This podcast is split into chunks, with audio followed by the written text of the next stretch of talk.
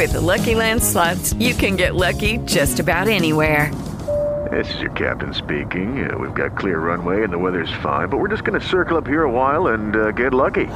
No, no, nothing like that. It's just these cash prizes add up quick. So I suggest you sit back, keep your tray table upright, and start getting lucky.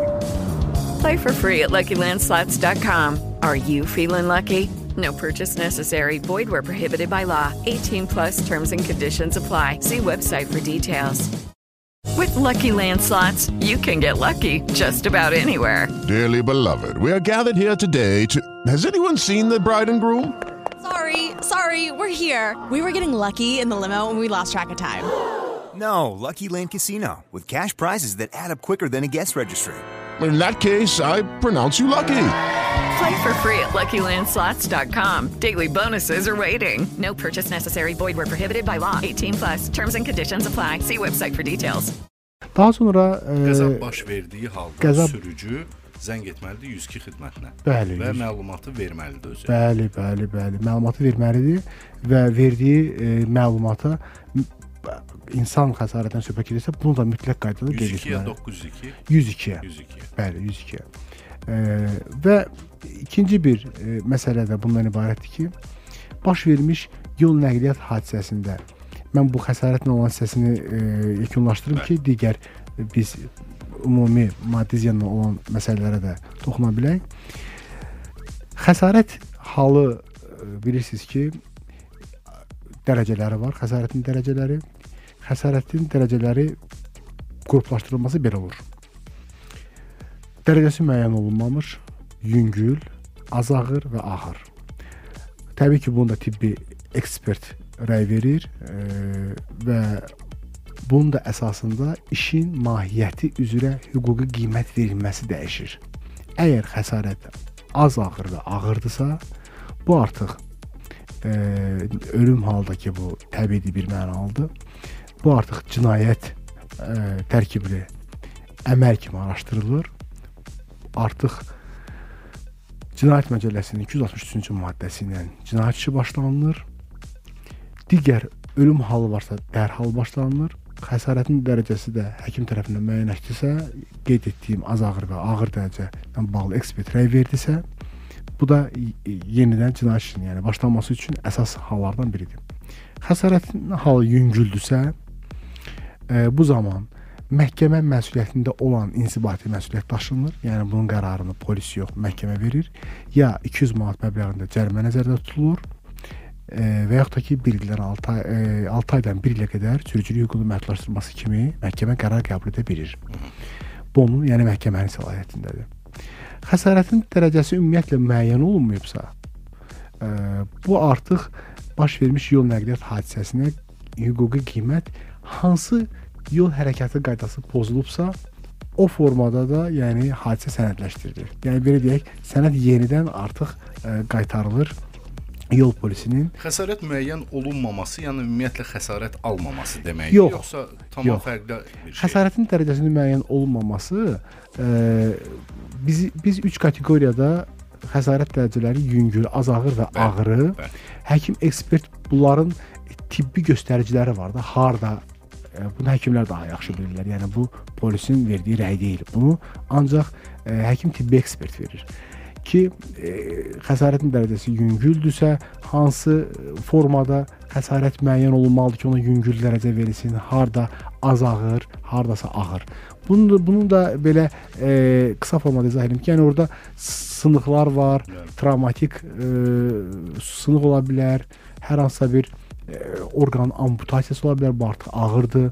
Yəni e, bu dərəcələr tibbi təsnifatla müəyyən olunur və bu, bunun da rəyini vermək səlahiyyəti yalnız və yalnız həkimə aid olanır. Xəsarətin dərəcəsi müəyyən olunmayıbsa, yəni deməli nəzərdə tutulmuş o standartlarda e, hüquq bənd yoxdur. O bənd yoxdur. Yəni ki, xəsarət var, hardasa məsəl üçün deyək, bir cızıq var, Bəli. Bir yüngülvari bir əzilmə var, amma bu xəsarət dərəcəsi bir travma kimi nə yüngülə, nə az ağıra, də ağıra daxil olmayan. Ona görə də bunun dərəcəsi müəyyən olmamış hesab olunur. Yəni bu məsələləri də e, hər bir vətəndaşımızın bilməsi, yəni hüquqi e, maarifləndirmə işində ən önəmli e, nüans, nüanslardan biridir.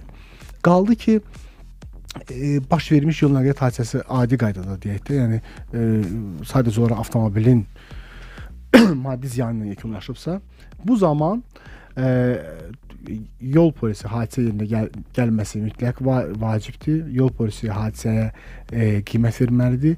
Bəzi hallarda sürücülər e, yol polisindən əlavə olaraq hesab edirlər ki, sığorta da gəlməlidir. E, hadisəyə qiymət vermək üçün bu biz bununla da bağlı vaxtilə müzakirə aparmışıq. Sığorta və sığorta ilə bağlı həsr olunan bir verilişimizdə də bunu geniş izah eləmişik. Yəni hadisəyə hüquqi qiymət verən tərəf yalnız və yalnız polisdir. Yol polisi və yaxud da ki, xəsarət, ölüm hallarında prosessual şəxs, yəni yenə də polis əməkdaşıdır, artıq o müstəntiq ol olmalıdır ki, bu məsələyə qiymət versin. Arzu müəllim, sürücü qəza törətdisə Bəli. və xəsarət varsa, piyada vurulubsa, bu zaman sürücü nə etməlidir? Yəni e, ən azından bir həkim də o çağırmalıdır, yoxsa Bəli. özü götürüb apara bilər, yoxsa E, bu qanunda yoxdur? E, deməli belədir. Yol hərəkəti haqqında qanunumuzun 37-ci maddəsi sürücünün üzərinə belə bir vəzifə qoyub ki, əvvəla birinci maksimum dərəcədə yol nəqliyyat hadisəsindən qarşısını alması üçün sürücü bütün e, bilik, bacarıq, e, təcrübə, avtomobilin e, texniki imkanları nəzərə alıb hadisədən yayınmalıdır. Yox, indi hadisədən yayına bilməyib, hadisə baş veribsə artıq e, artıq xəsarət anında varsa, bu zaman sürücü həmin şəxsə ilki təcil, ilkin təcili tibbi yardımın göstərilməsini təmin etməlidir. Yəni özünün mümkün e, biliyi, bacarığı, hər hansısa bir e, ilkin təcili tibbi yardıma qədər köməklik göstərməyə imkan verirsə, bunu etsin. Yox, özü bil, bilmirsə, e, bu köməklik göstərmə müt mütləq təcili tibbi yardımı əraziyə dəvət etməlidir. Ona mümkün e, köməkliklərini göstərməlidir. Həmin istiqamətdə e, hərəkət edən nəqliyyat vasitələrinin biri ilə də onu e, tibb müəssisəsinə göndərə bilər. Yəni e, baş vermiş hadisənin də e, əlamətlərini itirmədən bu proseslərin hamısını e, vətəndaşımız, yəni e, zərər çəkən şəxsə köməklik göstərməlidir. Gələcəkdə əgər e, baş vermiş hadisədən, misal üçün piyadanı vurub ərazidən qaçıb. Onu təhlükəsiz, köməksiz vəziyyətdə yolun ortasında, səkidə, hardasa bu vəziyyətdə qoyub hadisədən uzaqlaşıb.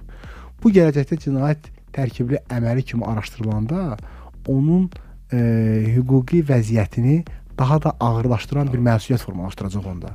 Çünki e, elə e, həmin maddə üzrə cinayət işi başlananda da araşdırmanı aparan şəxsin verdiyi e, apardığı araşdırma zamanı verdiyi suallardan biri bilmək istədiyi, öyrənmək istədiyi məqamlardan biri də budur. Çünki bu qanun pozuntusudur. Bəs onu xəstəxanaya apardığı zaman bu hadisə yerindən yayınmaq sayılmır? Xeyr.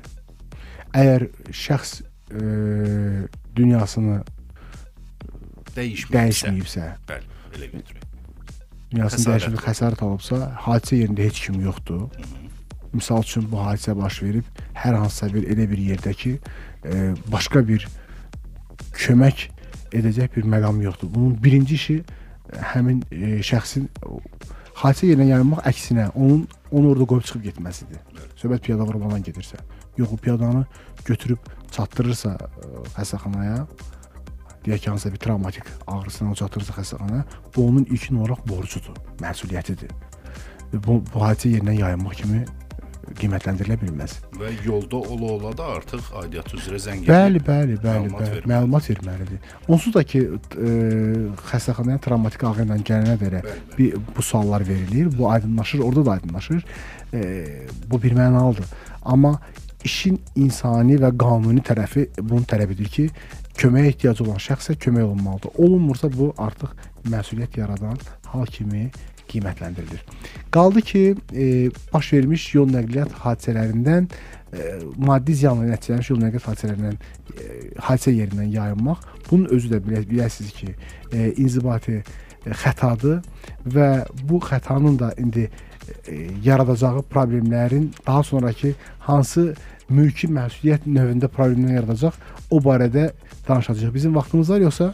Biz artıq e, fasiləyə ayrılmalıyıq. Qısa bir fasilə olacaq dostlar. Bizim verilişimizin baş sponsoru Total Quartz mühərrik yağlarıdır. Total Energies Quartz mühərrik yağları ilə dünyanın bir çox qlobal avtomobil markalarının rəsmi tədarükçüsüdür. Total Quartz satıcının və ustaların təriflədiyi deyil, istehsalçıların tələbidir. Verilişin sponsoru isə İtalyan markası olan Ufi filtrləridir. Ufi markası Alman və Yapon avtomobil markalarının rəsmi tədarükçüsüdür. Verilişin növbəti sponsoru Hyundai Azərbaycandır. Hyundai Azərbaycan PL2 ehtiyat hissələrini daha münasib qiymətə təklif edir və onlara 1 il və ya 20 min kilometr istehsalçı zəmanəti verilir. Ətraflı məlumat almaq üçün isə telefon 989 qısa.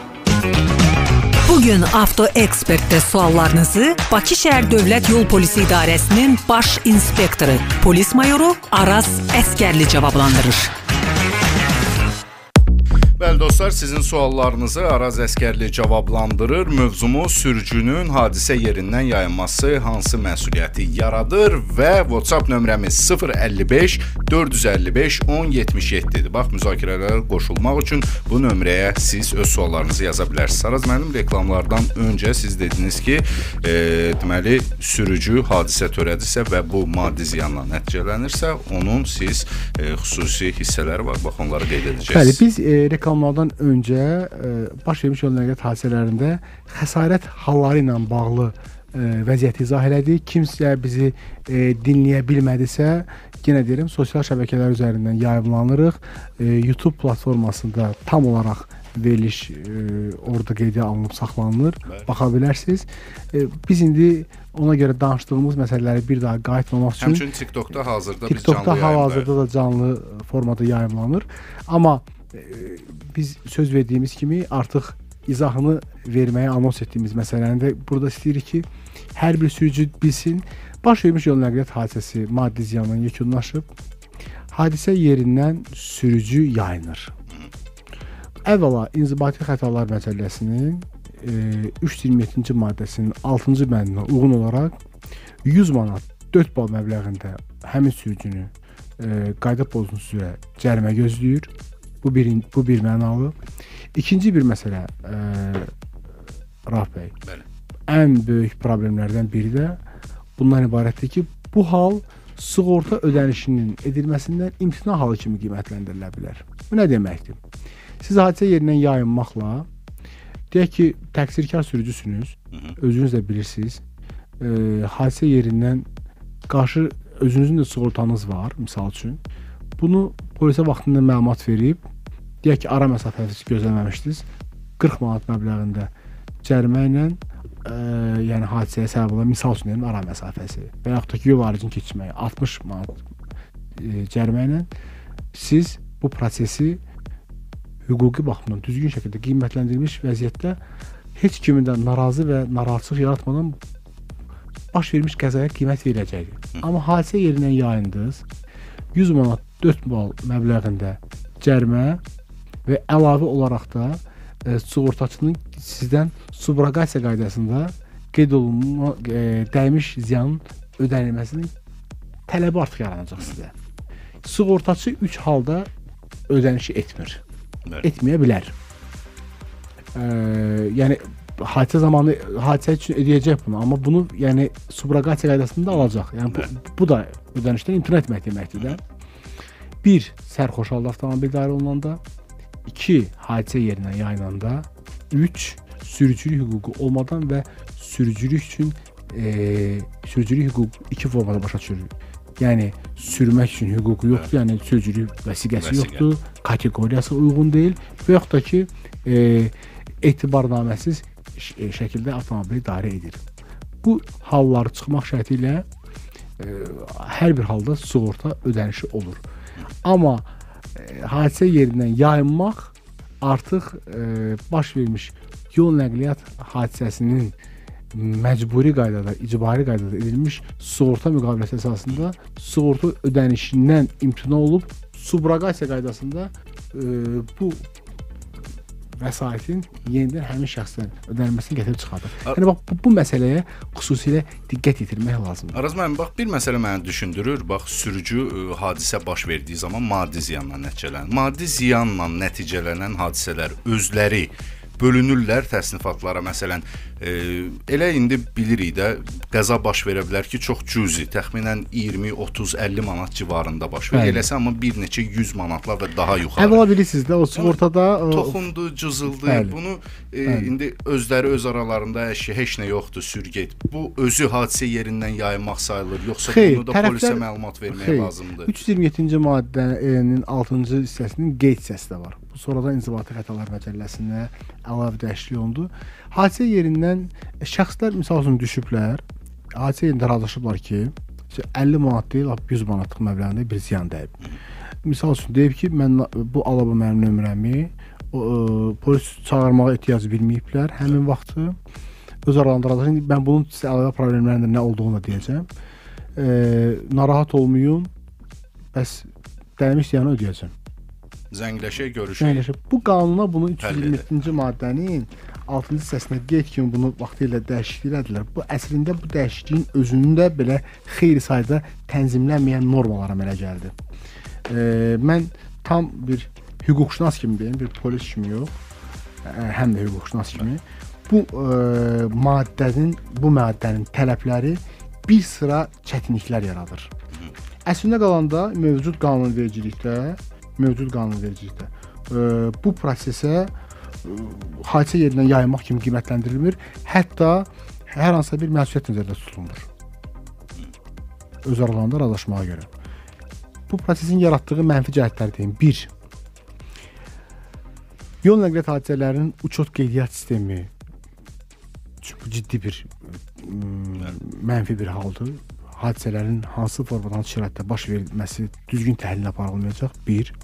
İkinci bir məsələ həmin vaxtı ə, razılaşıb sonradan telefonlara cavab gəlmir. Bəli. Sonradan ə, həmin adam dediyindən qaçır.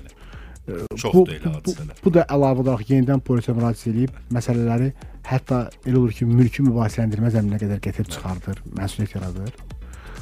Bundan da daha ağırı ə, həmin vaxtı o bunu edən mən bax burdan dinləyicilərimizə demək istəyirəm ki, belə hallarda yerində razılaşmaqdan siz maksimum dərəcədə çalışın, hadisə yerinə polis gəlsin və buna qiymət versin. Sərxoş halda avtomobil idarə eləyir. Tez istə istəmirəm hadisə yerinə polis gəlsin. Reallıqlar deyirəm sizə. Bunu ümumiyyətlə bu bəndə sonradan edilmiş e, dəyişikliyə bir daha hüquqi diqqət yetirmək lazımdır. Burada çünki boşluqlar var. Sərxoş halda avtomobil idarə edir və yaxud da ki, e, hadisə törədib, bunun məsuliyyəti böyükdür, bilirsiniz. Daha sonra e, sürücülük hüququ olmadan avtomobil idarə edir, məsuliyyəti böyükdür. İnsibati həbsə qədər gözləyən bir məqamlar var burada. Və belə hallarla da hadisə yerindən yayınmaq üçün qarşı tərəf inandırmağa çalışır. Düzdür, e, qaydaları, qanunları bilən, ha- hadisələrə düzgün, real, obyektiv qiymət verən insan belə razılaşmalara getmir. Getmir. Bəli. Polisi çağırır, deyir qonsuz sığortam ödəməyəcək. Hadisəyə qiymət versin get. Yəni atan yaxşı, anan yaxşı, narahat olma, polisi çağırma bura. Bu vətəndaşda sual yaratmalıdır ki, o polisi çağırmağı niyə istəmir? Niyə istəmir? Düzdür. Düz adamsan, nə problemin var? Pro ə, protokol yazacaqlar. Dəymiş ziyanda sığorta ödəyəcək. Hələ sən bunun cibindən 300 manat, 500 manat, 1000 manatlıq xəsarəti niyə ödəməlisən ki? Deməli burada bir başqa məqam var. Və belə məqamlarda inanıb polisin bizə müraciət edən insanlar çoxdur. Məni inandırdı, razı saldı, nömrəsini verdi həmin nömrəyə. Zəng çatmır. Bu nömrəyə zəng çatmır, əhatə dairəsi xaricindədir. Bax belə problemlərlə rastlaşmamaq üçün ümumilikdə hadisə barədə polisə məlumat vermək lazımdır. Araz müəllim 9145 yazır. Salam sürücülük hüququ olduqda, amma avtomobil idarə edərkən vəsiqə həyatdan çıxıb evdə qaldığı zaman avtoinspektor sürücünü cərimə edir, yoxsa vəsiqəni gətirməyə imkan yaradır? Bu suala Ümumiyyətlə biz- bu məsələ bu suala qanunla biz- necə tənzimlənir? Biz bu suala efirimizdə bir neçə dəfə toxunmuşuq. Bu sual ümumiyyətlə media tərəfindən də çox işıqlandırılıb vaxtilə. E, sürücünün vəzifələrində yadınızdadır da 37-ci maddədə qeyd olunub ki, bunlar sürücünün üzərində olmalıdır. Amma bu günləri e, bunun olmamasına görə hər hansısa bir şəxsə cərimə yazmaq və yaxud get sənədləri ilə deməyə ehtiyac qalmır, texniki baxımdan ehtiyac qalmır. Çünki onun etibarnaməsi də, onun e, bütün lazım məlumatları yol e, patrul xidməti əməkdaşının e, əlində istifadə etdiyi o planşetdə Hər şey görsənilir. Çünki elektron sistemə o mövcud informasiyaların hamısı inteqrasiya olunublar. Yəni bu günləri mənə üçün çox maraqlıdır. Görən kiməsə belə bir tələb irəli sürülürmü bizim əməkdaşlarımız tərəfindən? Mən eşitməmişəm. Yəni Yəni son illərdə bu mümkün bəlkə olacaq. bir şey. məlumatsızdırlar həmin o sürücülər. Sürücülər Amma baxma buna baxmayaraq da çox təbliğat aparılıb ki, yəni ehtiyac yoxdur, artıq hər şey Yəni mərkəzi elek- bazada var, Bəli, elektron bəli, qaydadadır. elektron qaydada bu var. Bax bilirsiniz, ə, Rahman, b- belə suallar da bizə çox gəlir. Misal sual verirlər ki, mülki etibarnamə ilə avtomobil idarə edə bilərəm. Əvvəla həmişə bunu demişik, indi deyirik. Etibarnamə özü mülki hüququn bir predmetidir. Bütün etibarnamələr mülküdür. E, hüquq bilirsiniz də 3 hissəyə bölünür. İnzibati hüquq, cinayət hüquq, mülki hüquq, inzibati məsuliyyət, cinayət məsuliyyəti, mülki məsuliyyət. Yəni bu mülki hüququn bir bir predmetidir bu etibarnamə. Yəni elə mülki məcəllələrlə tənzimlənir bu proses. İndi söhbət nədən gedir? Bu avtomobil etibarnamə verilirsə, bu çox verilən sualdır. Mən ona görə bunu bizi dinləyənlərə e, istəyirəm bilsinlər. Bu a- avtomobil etibarnamə verilirsə, etibarnamənin harda verilir? Notariusda belə Bəli, deyil. bəli. Notariusda bu hüquq yazıları sürməyə icazə verilir. Hüquqlar konkret göstərilir. Sürməyə icazə verilirsə, narahat olmayın, avtomatik olaraq onsuz da ki, bu hüququ verilməsi ilə bağlı dövlət yol polisinin sisteminə ə, notarius bu məlumatı ötürür ki, e, sürmə hüququnu Rauf Mirqulamova sürmə hüququ verdi. Araz əskərli Rauf Mirqulamova onun e, ist istifadəsində olan avtomobili ona sürməyə hüquq verdi. Yəni bu yol polisi də bunu sistemdə görür. Siz misal üçün etibarnamə alırsınız ki, e, deyək ki, sərəncam vermək hüququ ilə bağlı kimisə yerinə qol çəkmək, e, onun alqı-satqı müqaviləsini həyata keçirmək və s. və ilaxır. Yəni, Bəli. hansı səlahiyyətlər orada e, icazə verirsinizsə, etibarnamə veriləcəksə, qeyd etdirsiniz. Bir sürməyə icazə vermirsiniz. Bu da nədir? Var hüquqlar aha dediyim kimi mülki hüququn özü bayaq biz necə ki ümumi böldüyü mülki məsuliyyət, inzibati məsuliyyət, cinayət məsuliyyəti, inzibati qanunverici, cinayət qanunverici, mülki qanunverici. Necə ki bölünmür, mülki hüquqda da e, e, səlahiyyətlər belə bölünür. İstifadə hüququ var, sərəncam vermə hüququ var. Siz həmin adama sərəncam vermə hüququ vermisiniz, Bəli. amma istifadəsinə icazə verməmisiniz. Vermədiyinizə görə də ora sürmə sözü yazılmayıb. Yəni sürməyə icazə verilmir və bu da yazılmadığına görə avtomatik olaraq e, bu hüququn e, verildiyi təqdirdə onsuz da ki Ədliyyə Nazirliyinin sistemi avtomatik olaraq e, Daxili İşlər Nazirliyinin DP sisteminə ötürü ki, buna sürmə hüququ verildi. Yəni bu suallar e, biraz hüquqi maarifləndirmə işinin e, zəifliyindən irəli gəlir. Yəni bunu e, notariuslarda olanda bu sualları verib dəqiqləşdirmək lazımdır. Əgər kiməsə yenə deyirəm, son olaraq deyirəm, sürmə hüququnuzu da vermək istəyirsə, onu qeyd olunan etibarnamədə, verdiyiniz etibarnamədə qeyd elətdirin. Avto ekspert. Dostlar, Avto Ekspert davam edir və mən istəyirəm Araz müəllimə gələn suallardan bəzilərini səsləndirim 2121 nömrəsi yazır. Yol qırağında dayanmışam və sola dönmə işığı yandırıb gözləyirəm. Eyni istiqamətdə gedən avtomobil maşını saxlayıb mənə sola dönməyə icazə verirsə, bu halda mən 327.1 maddəsi ilə cərimələnə bilərəm. Bir dənə qoy sualın bir Yol qırağında dayanmışam. Yolun qırağında dayanın. Dayanıb getmir. Parkovkadan yola çıxır. Ha, Yəni dayanmış deyək. halda yola çıxır. Dayandığı yerdən yola çıxır, sola yandırıb dönmə işığını. Bəli. Və yolla gedən maşın saxlayır, gözləyir ki, bu çıxsın.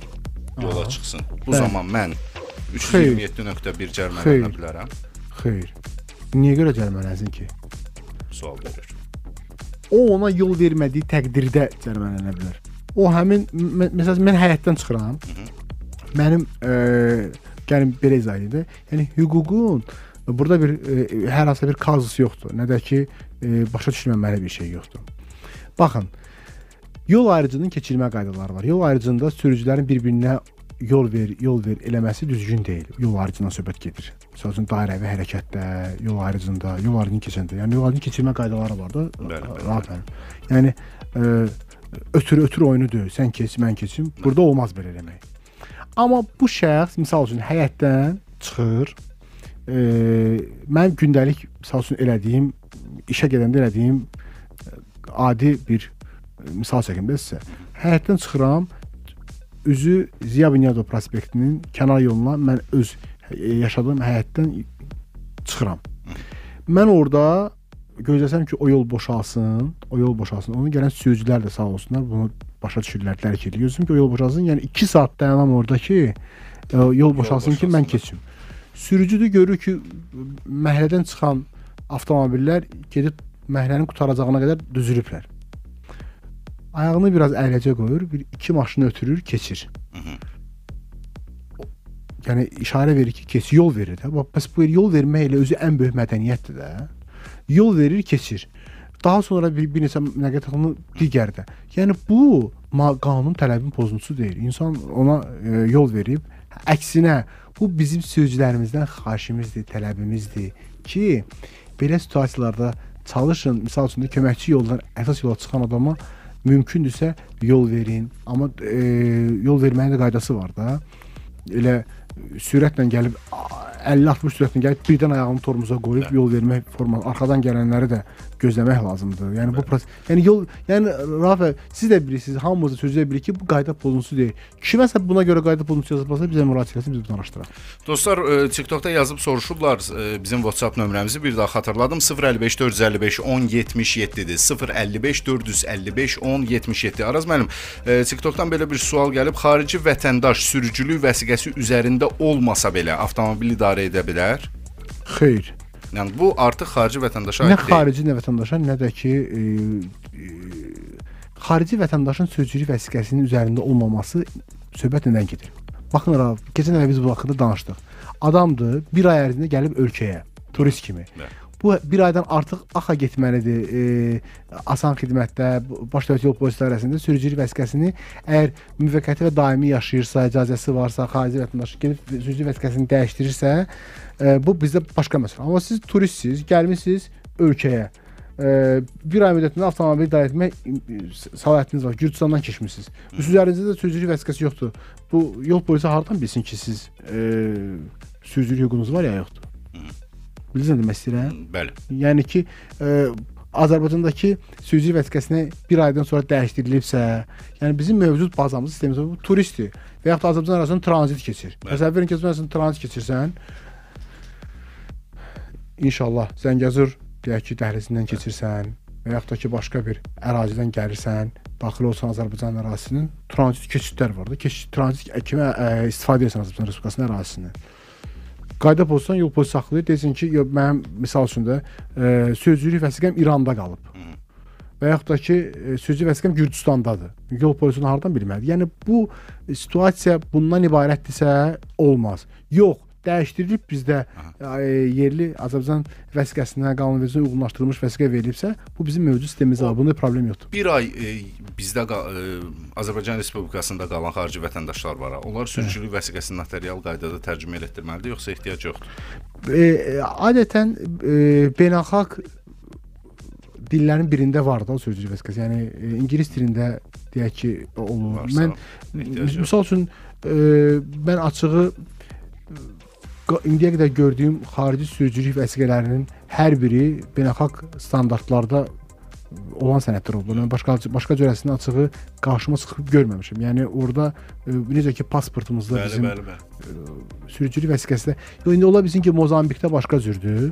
Yəni o da ə, Viyana konvensiyasının aid olan ölkələr siyasətində deyil. Bu beynəlxalq standartlarda bilirsiniz də elə Bəli. hər ölkənin sürücülük vəsiqəsini Azərbaycan Respublikası ə, da onu dəyişdirib almaq olmaz. Bunun da bir standartları Bəli. var. Yəni ə, beynəlxalq sürücülük o- hüquqlarının verilməsi prinsiplərinə uyğun olan ə, qaydada alınmış sürücülük vəsiqələrini standartlarda müəyyənləşdirib verirlər. Məsəl üçün ola bilər ki, siz ə, aldığınız sürücülük vəsiqəsi ə, dünyanın qəbul olunduğu standartlarda olan vəziyyətdə deyil. Məsəl üçün bu halda onu Azərbaycan sürücülük vəsiqəsini dəyişdirmirlər. Araz müəllim, e, cərimənin qərarlı ya da qərarsız olması nə ilə müəyyən olunur? Statusu ilə qərarlı və qərarsız statusu da cərimənin. Məsəl üçün ə, inzibati xəta üzrə protokol yerində yazılıb. Sürücü sürücüyə deyirsiniz ki, ə, Rahat müəllim. Bəli. Deyirsiniz ki, siz mən işarə verdim, siz saxlamadınız. Tabe olmadınız. Və yaxud da ki, deyək ki, ə, 80 manat 4 bal cəriməsi olan bir halda saxladı. O deyir ki, o mən sizi görmədim. Siz elə hesab edirsiniz ki, məni saxlamışdınız və yaxud da ki, mən qırmızıdan keçmədim. Var belə şey. Dəxlisi yoxdur və yaxud mən qoşa xətti tapdalamamışdım. Mən filan eləməmişdim. Problem yoxdur. Orda yol polisi onunla nə dalaşır, nə ona deməlidir ki, yox sən bu qaydanı pozmusan. Qayda pozuntusunu izah eləyir. Hüquqi baxımından e, qayda pozuntusunu İnzibati Xətalar Məcəlləsinə yol hərəkəti haqqında qanunu əsaslandırılmış şəkildə izah edir. İnsan da cərimə ödəmək üçün bəhanə edir ki, yox, ey, mən qaydanı pozmamışam və ya doğrudan da qaydanı pozmayıb. Bu da ola bilər. Gələ iki tərəf danışaq. Və, və ya doğrudan hesab edir ki, qaydanı pozmayıb. Həmin vaxtı protokoldan e, yerində də şikayət edə bilər. Protokoldan razılaşmaya bilər. Bu halda e, əgər o bildirirsə ki, yol patrul xidməti əməkdaşı ki, mən protokoldan narazıyam. Hı -hı. Yol patrul xidməti əməkdaşı orada qərar qəbul edə bilməz. Bəli. E, bu qərarsız yazır protokolu araşdırma müddətində şikayət etmə hüququ da yaranıb artıq onun. E, və bu o, o, indiki mövcud qanunvericiliyimizdə 10 gün ərzində də bu araşdırılmasını tələb etdirib o protokolun e, belə deyək, əgər protokol doğrudan da onu araşdıran tərəf görürsə ki, protokol e, düzgün yazılmayıb, qərarsız olsa da onu ləğv eləyir. Yox, qərarlı protokoldur. Yenidən yenə ondan şikayət varsa, ə, qərarlı protokolun özü də ləğv oluna bilər, amma əsaslı onun ləğvi üçün hallar varsa. Araz müəllim, e, qısaca e, xahiş edirəm cavablandırardınız. Sual çoxdur. Deməli, hadisə törətmişəm, amma maddi ziyan yoxdur. Amma maşınımı ma e, cərimə meydançasına aparıblar. Bu düzgündürmü? Xeyr, hadisəyə görə maşın cərimə meydançasına aparıla bilməz. İnzibati Xətalar Məcəlləsinin 96-cı maddəsində avtomobilin duracağa hansı qayda yerləşdirilməsi üçün hansı halların olduğu e, göstərilib. Yəqin ki, sizin ödənilməmiş cəriməniz olub, yəqin ki, sizin konstruksiya dəyişikliyiniz olub, nə, e, yəqin ki, etibarnaməniz olmayıb və yaxud da sürücülük hüququnuz olmayıb. 96-cı maddə göstərən hallardan hansısa biri olub ki, avtomobiliniz duracağa yerləşdirilir. Elə salam əleykum avtomobil avtomobilə toxundu cərimə meydançasında belə belə məsələ olub. Yəni bax bizi dinləyən sürücülər də indi avtomobildə gedən, başqa yerdə olan deyir ki, yəni belə də yoxdur, yəni belə olmur axı. 1638 yazır Y kateqoriyalı sürücülük vəsiqəsini neçə yaşdan almaq olar? Orada e, yaşla yanaşı e, yaşdan yaşla yaşdan əlavə olaraq sürücülük təcrübəsi önəmlidir. Yəni misal üçün deyirəm, əgər siz sürücülük vəsiqəsinizi 18 yaşınızda almısınızsa, Hə orada artıq e, bilirsiniz, birincidən B-ni C-ni almaq olur, sonra D üçün e, müddət tələb olunur, daha sonra Y üçün. Yəni bu siz sürücülük vəsiqənizi, ilkin sürücülük vəsiqənizi bilirsə mən deməsin. İlkin sürücülük vəsiqənizi 25 yaşında almısınızsa, sizin Y kateqoriyası üçün alacağınız müddət fərqli olacaq. Bəli. 18 yaşında almısa, yəni orada təcrübə, ə, təcrübi illərə əsasəndir. Bəli. E, mən yəni salam əleykum ağsaqqal. ə, siz 50 yaşınız var, təcrübəli adamsınız. Sizə birbaşa Y Y kateqoriyası bu, bu bu belə olmur. Bu e, sürücülük təcrübəsinə görə siz 18 yaşında almısınızsa fərqli olacaq. Təbii ki, yeni aldığınız dövr qanunda bu var. 30 yaşında ilk dəfə almısınızsa, bu da təbii ki, fərqli olacaq. Dostlar, bizim fasiləmiz olacaq. Verilişimizin baş sponsoru Total Quartz mühərrik yağlarıdır. Total Quartz mühərrik yağları ilə yanacağı qənaət və yüksək performans avtomobiliniz üçün təmin edin. Total Quartz mühərrik yağları texnologiyanın yeni mərhələsidir. Verilişin sponsoru isə İtalyan markası olan UFI filtrlərdir. UFI markası Alman və Yapon avtomobillərinin rəsmi tədarükçüsüdür. UFI çempionların seçimidir. Verilişin növbəti sponsoru Hyundai Azərbaycan da 2022-ci ildə ilin avtomobili, ilin elektrik avtomobili, ilin avtomobil dizaynı nominasiyalarında 3 qat qalibiyyət əldə edən tam elektrikli Hyundai Ioniq 5 modeli tezliklə Azərbaycanda və artıq qeyd edim ki, bu gündən etibarən Azərbaycandadır. E, yeni dünyanı tam elektrikli Hyundai Ioniq 5 ilə kəşf edin. Ətraflı məlumat almaq üçün hyundai.az və ya telefon 989 Avto ekspert. Dostlar, Avto Expert davam edir. Avto Expert verilişində qaydaları pozma layihəsini dinləyirsiniz. Bu layihəni sizə Avto FM Dövlət Yol Polisi ilə birgə təqdim edir. Araz müəllim, bəzi suallar var, onları səsləndirək. 6212 nömrəsi yazır. Salam, hər vaxtınız xeyirli olsun. Sığorta şirkətlərinə müraciət edirəm. İcbari sığorta ilə bağlı Toyota Prius avtomobillərini eləmirlər. Bunu necə etmək olar? Zəhmət olmasa məsləhət verərdiniz. Çox səhv bir yanaşmadır. Kimsə bunu etmirsə qanunun tələbini pozur. bununla bağlı Mərkəzi Banka şikayət edə bilərsiniz həmin sığorta şirkətindən ki, çünki qanun icbaridir. Qanun tələb qanunun ə, tələbini pozmaq özü məsuliyyət yaradır. Bilirsiniz ki, e, 50 manat məbləğində cəriməsi var. E, 469 3 50 manat e, deməli fiziki şəxslərdə 100 manat vəzifəli şəxslərdə 300 manat hətta hüquqi şəxslərə cərimə nəzərdə tutulur. Yəni fikirləri qaçırmayım, adi insanlar üçün 50 manatda da bunu bilir. Yəni vəzifəli və hüquqi şəxslər üçün dəyişir. Hətta yəni bu qədər Daha ciddi bir məsuliyyəti var. İndi belə çıxır ki, kimsə hüquqi şəxsi onun ə, avtomobil hüquqi şəxsi istismarında Prius varsa, bu Priusun da sığortasını kimsə eləmirsə 300 manat belə çıxır ki, o ə, sığorta ödənməyən tərəf kimi cərimə olunmalıdır da. Yanaşma buyurun. Yanaşma buyruğu qanun belə deyir. Əgər hüquqi şəxssə, vəzifəli şəxssə 100, a, sadə vətəndaşdırsa 50 manat. 50 manat. Bu qanun pozuntusudur. Bunun barəsində tədbir görmə səlahiyyəti bizim səlahiyyətimizdə deyil, yəni Dağıstan səlahiyyətində deyil, amma aidiyyəti qurumu ə, onlara ə, Mərkəzi Banka və İcbari Sığorta Bürosuna müraciət edirlər, amma əsasən onlara səhv eləmirəmsə nəzarət Mərkəzi Bankdadır. 9222 nömrəsi Mərkəzi yazırsan. Bank Maliyyə Nazirliyi. Ə, Salam, məndə yol hadisəsi baş verib may ayının 31-i. Mən digər avtomobili vurmuşam, amma günah digər avtomobildə olub. Mən saxlamışam. Yerində maşın digər avtomobili e, yayın yayınıb hadisə yerindən. E, deməli e, maşınımda xərci var. Hal-hazırda işim Nərimanov e, polisindədir yolun 18-dən. Amma digər avtomobil tapılmır hələ ki. Mən kimə müraciət eləyim? Heç kimə müraciət eləməyə ehtiyac yoxdur. Xərcimi ödəsin. Yo, Başqa aydındır. heç nə istəmirəm. Aydındır. Bilirsiniz, ə, avtomobilin tapılması üçün bütün mümkün imkanları yoxlayacaqlar, amma naməlum şəraitdə tapılmaya bilər. Yəni ə, elə də bir qayda yoxdur ki, bu mütləq qaydada təqsirkar müəyyənləşməlidir. Bilirsiniz nə demək istəyirəm? Hə. Yəni tərəfin biri müəyyənləşməlidir. Başa düşürəm. İndi ola bilər ki, elə elə bir situasiya yaranır ki, avtomobilin tapılması üçün bütün imkanları yoxlayıblar. İndi əraziyə baxırlar, bilirsiniz, kameradan görüntülər çıxardırlar, hərəkət marşrutlarını çox əslində əmək, əziyyət tələb edən bir işdir bu axtarış işi. Yəni bütün variantları yoxlayıb əgər ə, onun tapılması üçün müəyyən bir çətinlik yaranıbsa, gözləmək lazımdır ki, onun tapılmasını təmin etsinlər. Avtomobil bilərəkdən gizlədilirsə necə bəs?